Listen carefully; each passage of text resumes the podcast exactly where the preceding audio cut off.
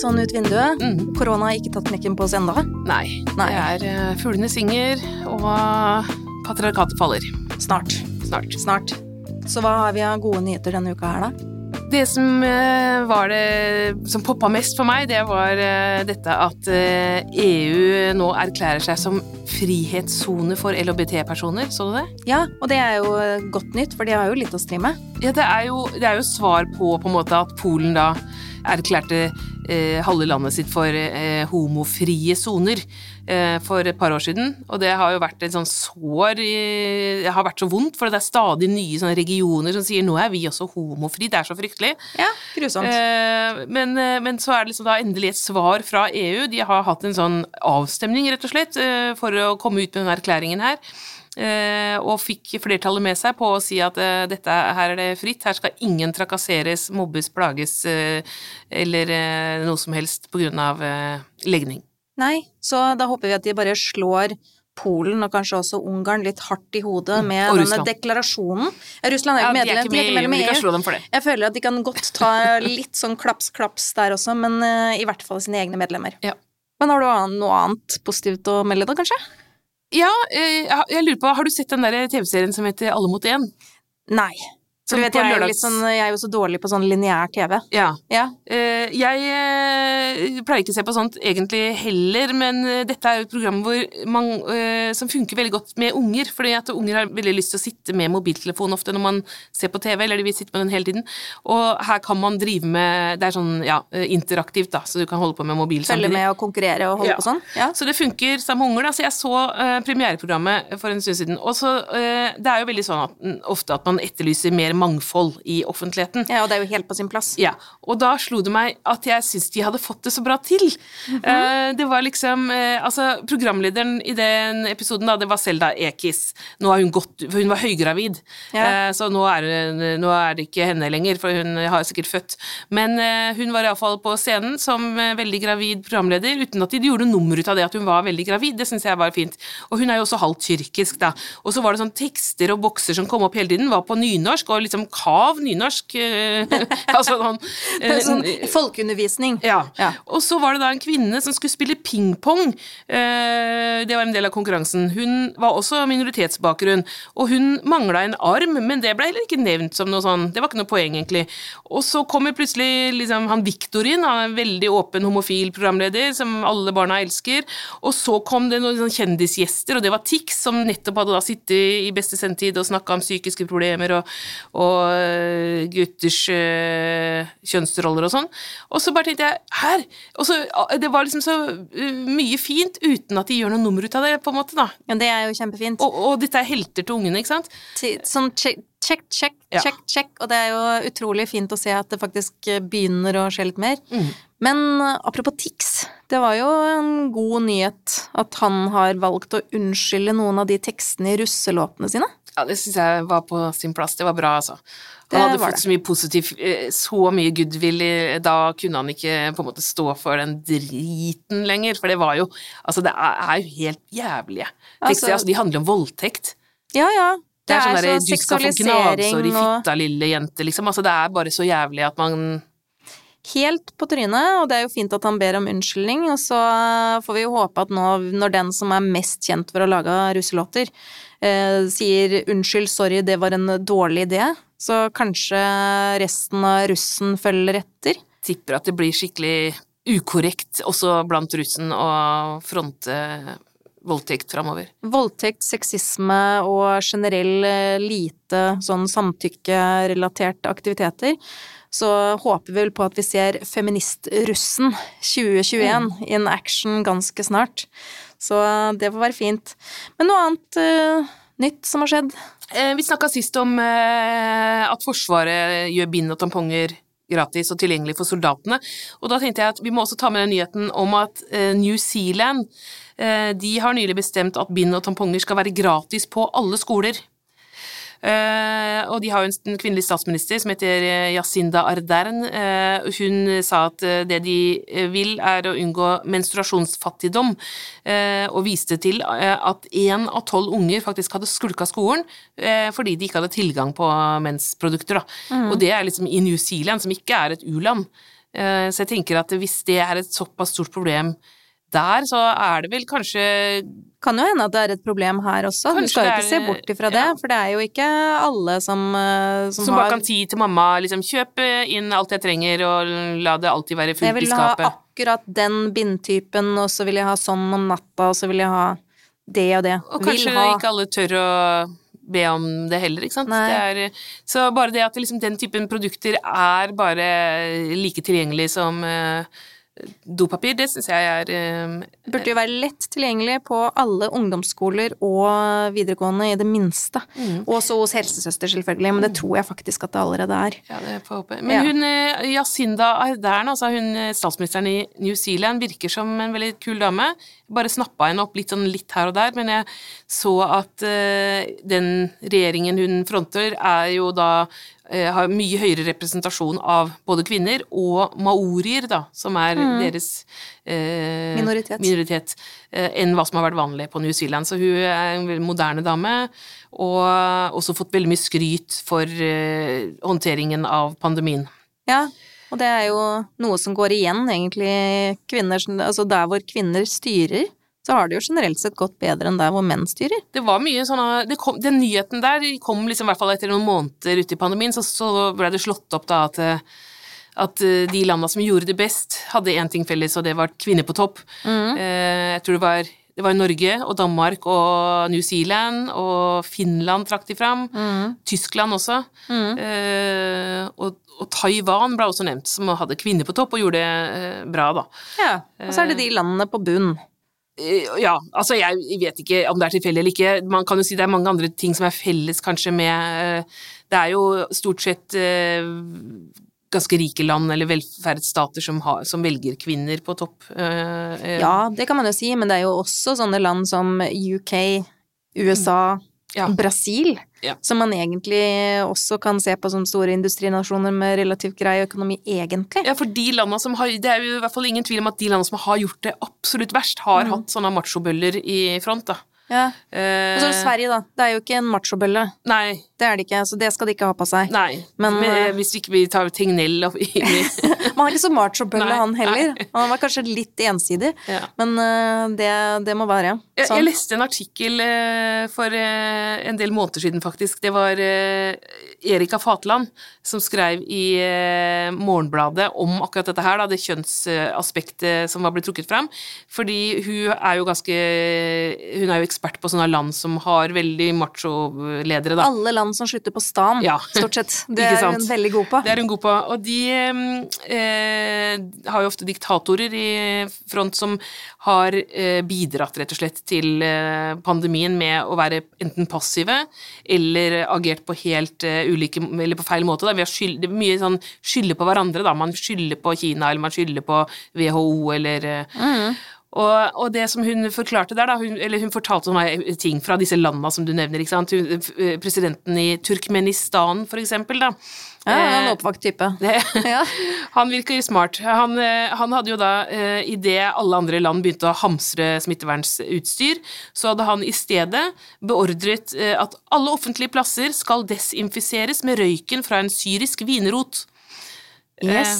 For det hadde visst eh, alltid funka før i Turkmenistan, og det skulle være nok. Så han fjerna da ordet koronavirus fra alle offentlige eh, brosjyrer etter han hadde røyklagt eh, Jeg har også hørt det at så lenge du ikke skriver korona i noen papirer, da har det ikke eksistert. Nei, ikke sant. Ja, da, Det er, så det er vel også sånn at i Turkmenistan så er det null personer som er døde av covid. Nabolandet Tadsjikistan de er ikke så mye bedre. De, eh, de ville jo heller ikke at dette skulle komme ut eh, i offentligheten, at det var en pandemi på gang.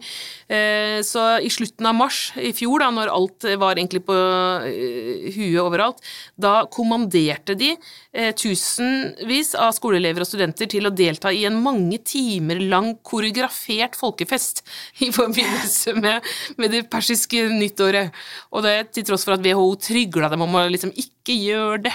Og jeg bare tenkte å fy fader, altså stå der uansett om det er pandemi eller ikke, mange timer lang koreografert folkefest. kan det egentlig da kalles en folkefest, hvis det er tvang?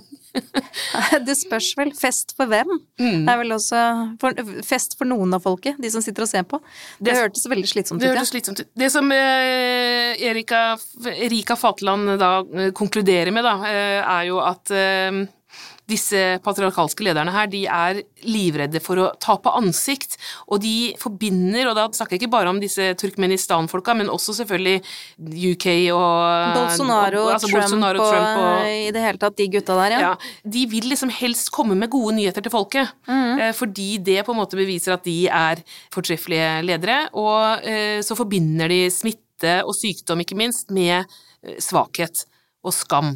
Eh, Så da velger de fornektelse, da, og det er jo det som han Bolsonaro i så stor grad har gjort eh, ganske nylig også.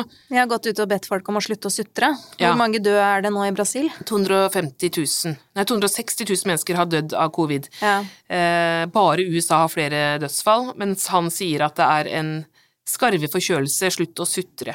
Ja, Mm. da blir sikkert alt bra. Men det er jo litt gøy med sånne, sånne Nå er vi jo på tall om siden vi snakka om New Zealand i sted, da. Har du hørt om uh, statsministeren i Australia? Scott Morrison? Nei. Uh, han er jo en godsnute også, kan Ja. du si. Uh, han er jo mest av alt kjent for at han sier utrolig mye klønete og dumt. Og han er jo også en veldig konservativ fyr i utgangspunktet, så det kanskje er litt bidragende. Men han presterte jo nå i uka som gikk, eh, å kommentere en demonstrasjon som gikk, foregikk utenfor Kongressen i Australia. Kvinner som protesterte, og det de protesterte mot var at eh, det har kommet en rapport i eh, Australia for tolv måneder siden som handler om gendered violence. Eh, Som har veldig sterkt slått fast at, eh, at kjønn og legning er bidragende til at du blir utsatt for vold. Og regjeringen har valgt å gjøre pff, ikke noe med den rapporten. Altså det har ikke skjedd noen endring. Og det protesterte de mot. Og da presterte statsministeren å gå ut og si at eh, ja, i andre land så blir jo kvinner som protesterer på den måten, skutt. Eh, sa han det? Han sa det. Så, Det var jo- så han var fornøyd med Australias eh, At de ja, Han var vel seg egentlig strengt tatt prøvde vel på en veldig klønete måte å si at det er jo fint at de kan protestere uten å bli skutt i Australia, men eh, sånn ble det jo ikke tolket. Men Nei. dette kommer i en lang rekke av klønete uttalelser fra den. Han er ikke populær blant feministene. Nei, Det kan vi det. si. De får flytte til, til New Zealand. Flyttet til New Zealand. Eller bare importere statsministeren fra New Zealand til Australia. Hun virker jo som hun er grepa nok til å bare ta hele Ja, den delen av verden. Oceania, liksom. Det Ja. Så da, da sier vi egentlig bare det. Henne for president der. Men hvordan er det med litteraturen, da? Har du lest noe siden sist? Eh, nå får jeg sånn press, jeg føler meg sånn pressa, liksom. Sånn, har du lest noe siden sist? Vi møttes for fire dager siden, jeg har ikke rukket å lese. du har ikke hatt tid til å lese, det er så mye å følge med på akkurat nå. jeg, jeg, Eh, på TV. Nei, men altså, jeg, har, jeg leste jo den bok, mageboka til Hilde Østby, da. Hun er en venninne av meg, så jeg fikk den før den var i trykk.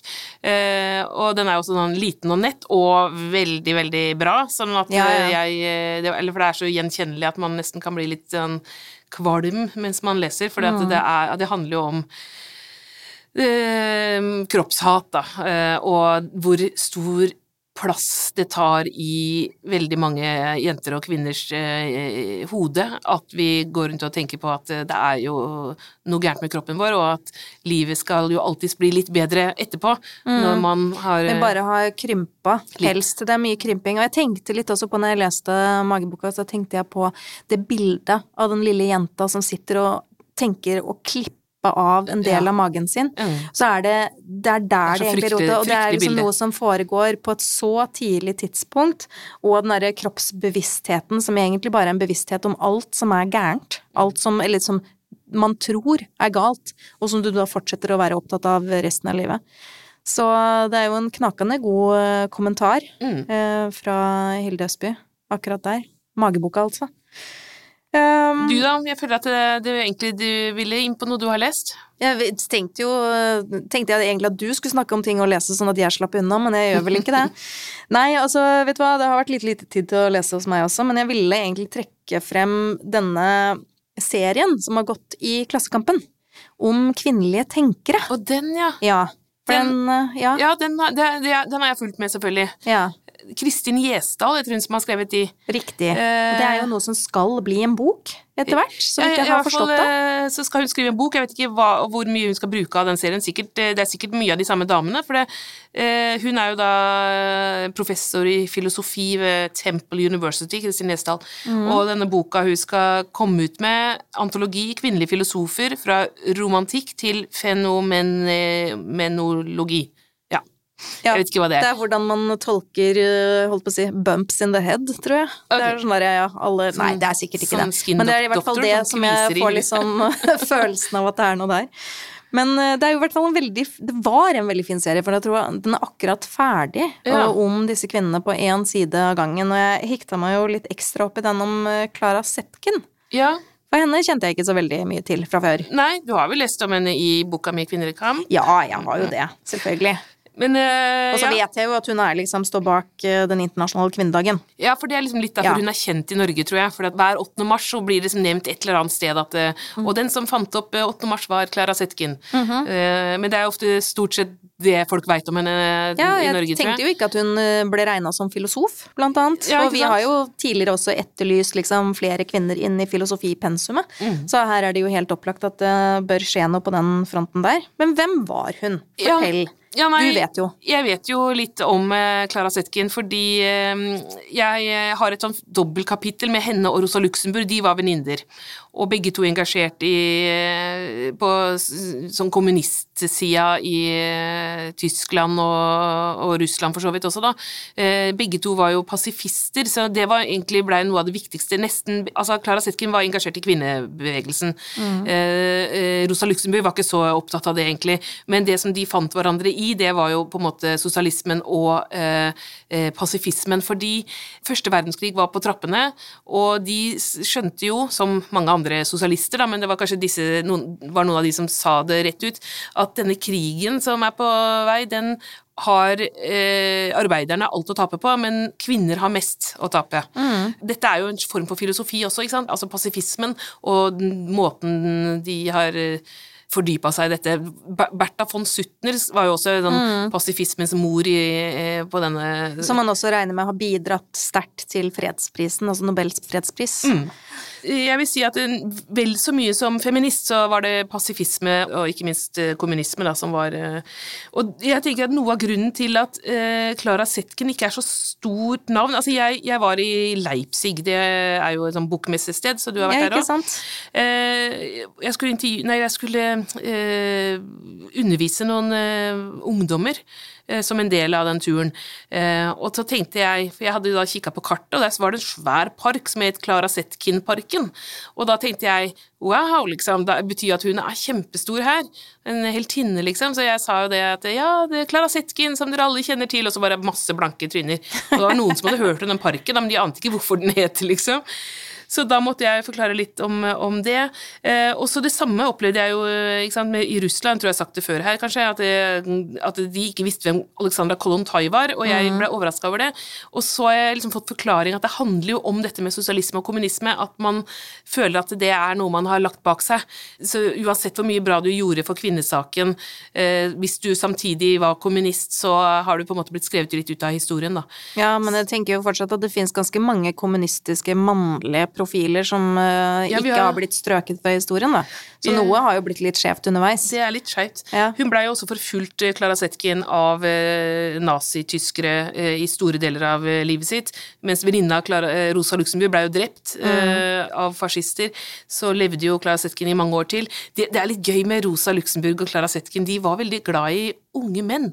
Så de hadde noe enda mer til felles? Ja, det de prøver si? det var to venninner. Jeg ser liksom for meg litt sånn der eh, absolutely fabulous, fordi at, eh, fordi at de, Bare de, Berlin og Ja, titallet og tjuetallet? Ja, men ikke sant, eh, Rosa Luxemburg var jo kjæreste med sønnen til bestevenninna si, Konstantin Setken, Ja. Mye, mye yngre. Og så, når Klara Zetkin var 42 år gammel, så ble hun gift med den 24 år gamle kunstmaleren Friedrich Sundel. Så den der, jeg tenker at kunne ikke dette vært materiale for en uh, kul TV-serie, hvor du både får den dramaet, det er liksom forfølgelse, og det er drap, og det er unge elskere og sikkert posisjonering og backstabbing, og jeg tipper at du har nok det aller, aller meste, og så er det jo noen som ender opp i en kanal. Så ja. jeg mener, og det er jo et mordmysterium man kan bygge videre på også. Så den Men, TV-serien uh, kan uh, hun, Hva heter hun som vi liker så godt i Trøndelag? Ingvild Sve, Flikke. Flikke. Den kan, kan, du lage. Kan lage sånn, som en sånn oppfølger til Etter Babylon Berlin. Nå har vi jo fått et tips eh, fra en lytter, og det skjer jo, og det må vi også si, at det skjer at vi får e-poster, kommentarer på Instagram eller uh, meldinger og kommentarer på Facebook med tips. Og dette er et av de tipsene som vi har mottatt, uh, og det handler om å si noe mer om forfatteren Enheduanna. Enheduanna, ja. ja. Eh, det er et vanskelig navn. Eh, det er rett og slett verdens første forfatter. Det er liksom sånn, Veldig ofte så er det sånn at eh, så er det verdens første kvinnelige ditt og datt. Eh, sånn, mm. Første kvinnelige presten, første kvinnelige eh, Men her er det første uansett. Det er første forfatteren i verden ja. som vi kjenner navnet på. Og det jo også, ble jo funnet på leirtavler med kileskrift. For 4300 år siden ble disse tavlene laga. Mm. Så da er vi way back. Og det som er spesielt, da, er jo Altså, hun var fra uh, Ur i dagens Irak, uh, poet og ypperste prestinne. Uh, og man tenker jo da, hva skriver de om på den tiden? porno. Altså Viser det seg? Ja. Eller erotika? Ja, rå erotiske kjærlighetsdikt er det. Hun, det er veldig sånn, hun beskriver sin egen seksualitet. Vi, veldig ofte når man snakker om sånn kvinner og, og seksualitet i skrift, så er det sånn På 1800-tallet var det uh, fy og skam for kvinner å skrive om seksualitet, liksom. Uh, det er 100, litt over 100 år siden. Her er det sånn 4300 år siden. Da var det, virker det som kanskje det var greit, vi vet ikke. Kanskje hun uh, Virker som det var helt greit, men man har jo selvfølgelig i historiefortellingen etterpå prøvd å, å, si at ja da, det var bare sånne religiøse tekster og litt sånne ting, men det mm. viser seg jo akkurat som du sier, ja, erotika. Ja. Ja, man må skrive det publikum vil ha, ja. tenker jeg da. Selv tilbake og da. Og Sapfo også skrev jo veldig sånn eh, Og da var det jo liksom til og med begjær for kvinner. Mm -hmm. så, altså lesbisk eh, dikt, da. Men eh, her var det altså grunnen til at Jeg vet, jeg vet ikke så veldig mye om Enhuduana, jeg vet bare litt som jeg har plukka opp fordi eh, forfatteren Berit Hedemann har skrevet en bok som heter eh, Bjørnejegersens bekjennelser. Mm. Berit Hedman har skrevet flere bøker også, All min forakt, som jeg har skrevet om litt, som handler om en kulturmann som er helt uh, ufordragelig. Den er bare utrolig morsom og fin. Mm. Eh, og denne boka her, eh, Bjørnejegersens bekjennelser, handler da blant annet om en heduanna, som da eh, skrev disse tempelhymnene. Og eh, det som skjedde, var For nå sa jo vi sånn at det, det kanskje var helt greit og sånn, det var jo ikke helt greit. Eh, så vidt vi vet. Det er jo det, hvor skal du liksom ja. Hvem skal du spørre? Ja, vi vet jo ikke så mye om det, i, man må gjette litt. Men tingen er jo det at i, etter hvert som årene gikk, så i stedet for at man løfta opp denne verdens første forfatter Altså, eh, det burde jo vært et navn som alle kunne, når det mm. er verdens første forfatter. Men alle kan ikke en Heduanna Eh, det er ikke liksom noe som alle lærer. Så hun har jo på en måte blitt glemt, selv om eh, hun er blitt løfta litt fram igjen etter hvert. Eh, noe av grunnen til at hun blei glemt, var jo nettopp det at hun blei fordømt som prostituert, da, liksom. Altså, det blei ble, ble jo sett på som hun ble slutshama, rett og slett, ja. i ettertid. Og det er ganske vanlig. Eh, så derfor, så hvis noen er mer interessert i henne, så anbefaler jeg å lese boka til Berit Hedemann. Eh, og eh, sikkert Det fins helt sikkert bøker om, som bare handler om Ene Duana. Ja, alt man kan vite. Som, som sagt, gamle, gamle kilder. Men verdens første forfatter, altså. Mm. En kvinne. Apropos eh, kvinnelige forfattere som eh, blir glemt, eh, eller bare oversett da, med vilje, så, så, leste jeg en veldig interessant artikkel her forleden som handla om hvordan mange kvinnelige kunstnere opp gjennom tidene har blitt glemt uh, på grunn av navneendring. Fordi veldig, de fleste damer fremdeles skifter jo navn når de gifter seg. Ja, og, sånn som jeg. Jeg er jo guilty as charged. Ja. det er jeg fremdeles uh, veldig overrasket over. Det skal vi fortsette å diskutere til lang tid fremover. Ja.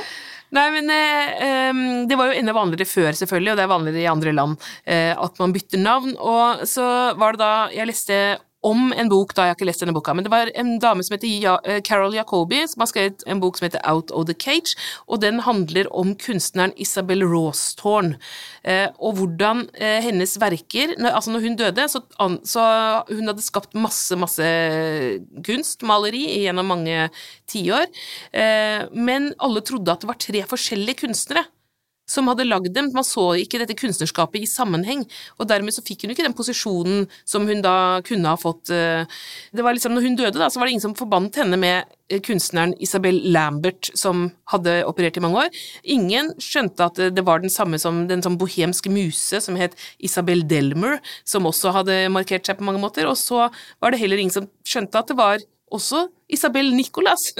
Så hun hadde gifta seg mange ganger. Og eh, Gifta seg mange ganger, og så trodde folk generelt sett at bare Isabel var veldig populært eh, navn innen kunsten. Mhm. Ja. Det var, var litt sånn eh, rart at det, det, det jeg, jeg vet jo ikke noe mer når jeg har lest den artikkelen, men jeg tenker jeg ble så interessert i den boka og den livshistorien hennes. For hun hadde, hadde jo hatt mange forskjellige liv. Hun hadde starta på nytt, nye steder, med, i nye liv, for det måtte man kanskje også, ikke sant. Det var vel ikke så populært å være skilt eh, mange ganger og, og leve et sånn ser ut som hun gjorde det ganske greit, da. Hun gjorde jo det, fordi hun blir jo regna som en, altså en av de fem viktige kunstnerne i et sånn miljø som Francis Bacon og Lucian Freud tilhørte. Riktig. Eh, Så det var ingen tvil om at hun var veldig anerkjent, men kunne da hatt en mye høyere posisjon hvis man skjønte at alt var lagd av henne, da. Så dette var liksom dette med navn. Eh, og så tenkte jeg på eh, For vi har jo diskutert navn her før, og sånn, ikke sant, med å oppfordre folk til å beholde navnet sitt og sånn. Eh, men jeg leste da om en eh, hovedfag... Nei, en doktorgrad var det faktisk, hvor jeg lærte et nytt ord. Det er patronymikon. Riktig. Det er jo da altså pater, eh, far, onymna, navn, det er gresk, patronymikon. Og det er jo på en måte ordet som brukes om denne veldig utbredte navnetradisjonen vi alle egentlig er en del av i verden, at familienavn er basert på farens eh, fornavn. Eh, også eh, tidligere så slengte man på sen eller sånn, eh, hvis du var sønn, og dotter, dotter, datter eh, hvis du var kvinne. Men så slutta man med dette med dotter, datter. Så dermed så er det blitt Derfor er de fleste sånne vanlige navn nå dobbelt mannlige, da. For du har mannens fornavn, Petter, Sen, sønn. Så det er liksom Harald Sen, så det er mann, mann, mann, mann. Så det er jo patronymikon, da. Riktig. Eh, Det er jo da eh, en kulturviter som heter Line Førre Grønstad, da, som har skrevet doktorgrad om dette. Eh, Og det som er hennes nye funn, for alt det andre her er jo kjent stoff, men det som er nytt i hennes doktorgrad, er at hun har funnet ut hvor sterkt forhold mange menn har til dette med etternavnet sitt. Eh, At det er et uttrykk for mannlighet at familien tar hans navn. Selv i dag, og da snakker vi liksom i dag i Norge. Det har jo vært fokus på det her at sju av ti kvinner tar sin manns etternavn, eller åtte av ti, tror jeg det er. Åtte av ti. Og så fokuserer man da på liksom, ja så, så dumt av de damene, da, liksom, eller eh, hvorfor, skal de være, hvorfor er disse damene så tradisjonelle? Mm. Men hvorfor er gutta det? Men så er det kanskje du gjør det for å ikke såre menn som har da Som virkelig syns det er umannlig og, og pinlig å skulle ta en kvinnes etternavn. Ja, om det er bevisst eller ubevisst. Det er jo egentlig liksom noe ved hele kulturen. Men jeg tror jo også at det er derfor vi endte opp med denne trenden nå med at man istedenfor eh, å velge konas navn, så bruker man begge. Det er vanlig. Ja, for da er jo det liksom sånn eh, litt mer spiselig enn å velge bort sitt eget. Mm. Eller sånn som man har gjort i særdeles feministiske Sverige, da, så tror jeg egentlig at det utslaget de har med denne trenden om at ikke bare Uh, liksom skift, De skifter begge navn til et navn de har laga sammen. Bare finne, Bare finne, finne på noe uh, er også bedre enn å ta konas navn. Mm. Det er jo òg litt spesielt. Ja, så, eh, da, det kan jo bli slutt hvis man er veldig uenig og ikke Eh, Altså hvis ikke du klarer å finne på et fint navn sammen, så passer man ikke sammen. Nei, Da- det må være- det eventuelt. Ellers så kan jo bare begge parter beholde sine egne navn, det er jo også helt fint. Det har Ellers, jeg prøvd, som jeg sier, det, men jeg ser jo med alle disse uh, bindestreksnavnene vi har nå, så ender vi jo etter hvert med sånn spanske forhold på, med veldig lange navn. For når de ungene igjen skal gifte seg, hva skjer da? Det blir kaos. Ja. Men eh, i Romas, gamle Roma, der løste de eh, kaoset veldig greit. Eh, apropos navn der, altså. Eh, for da var det jo bare sånn at eh, jentenavn, nei, jentebarn de fikk ikke eget fornavn. Nei, nei. Nei. For det var unødvendig. Ikke sånn var det, ja, det var gutter som fikk liksom et nytt navn. Eh, hver gutt i familien hadde sitt eget navn. Mens jenter fikk bare slektens familienavn i hunnkjønnsform. Så for eksempel da Julius Cæsar. Eh, han har en datter, og hun heter Julia, for det er liksom kvinneversjonen av eh, Julius. Julius. Eh, men nå hadde ikke han flere døtre, men hvis han hadde hatt det, så hadde neste datter hett Julia Secunda. Ja, den andre Julie. ja. Og så neste Julia Tertia. Ja, Så bare kunne man bare fortsette i all evighet. Enkelt og greit. Ja, jeg tenker det blir jo litt mindre diskusjoner da. Men jeg tror kanskje vi foretrekker at alle kan få sitt eget navn. Ja. ja.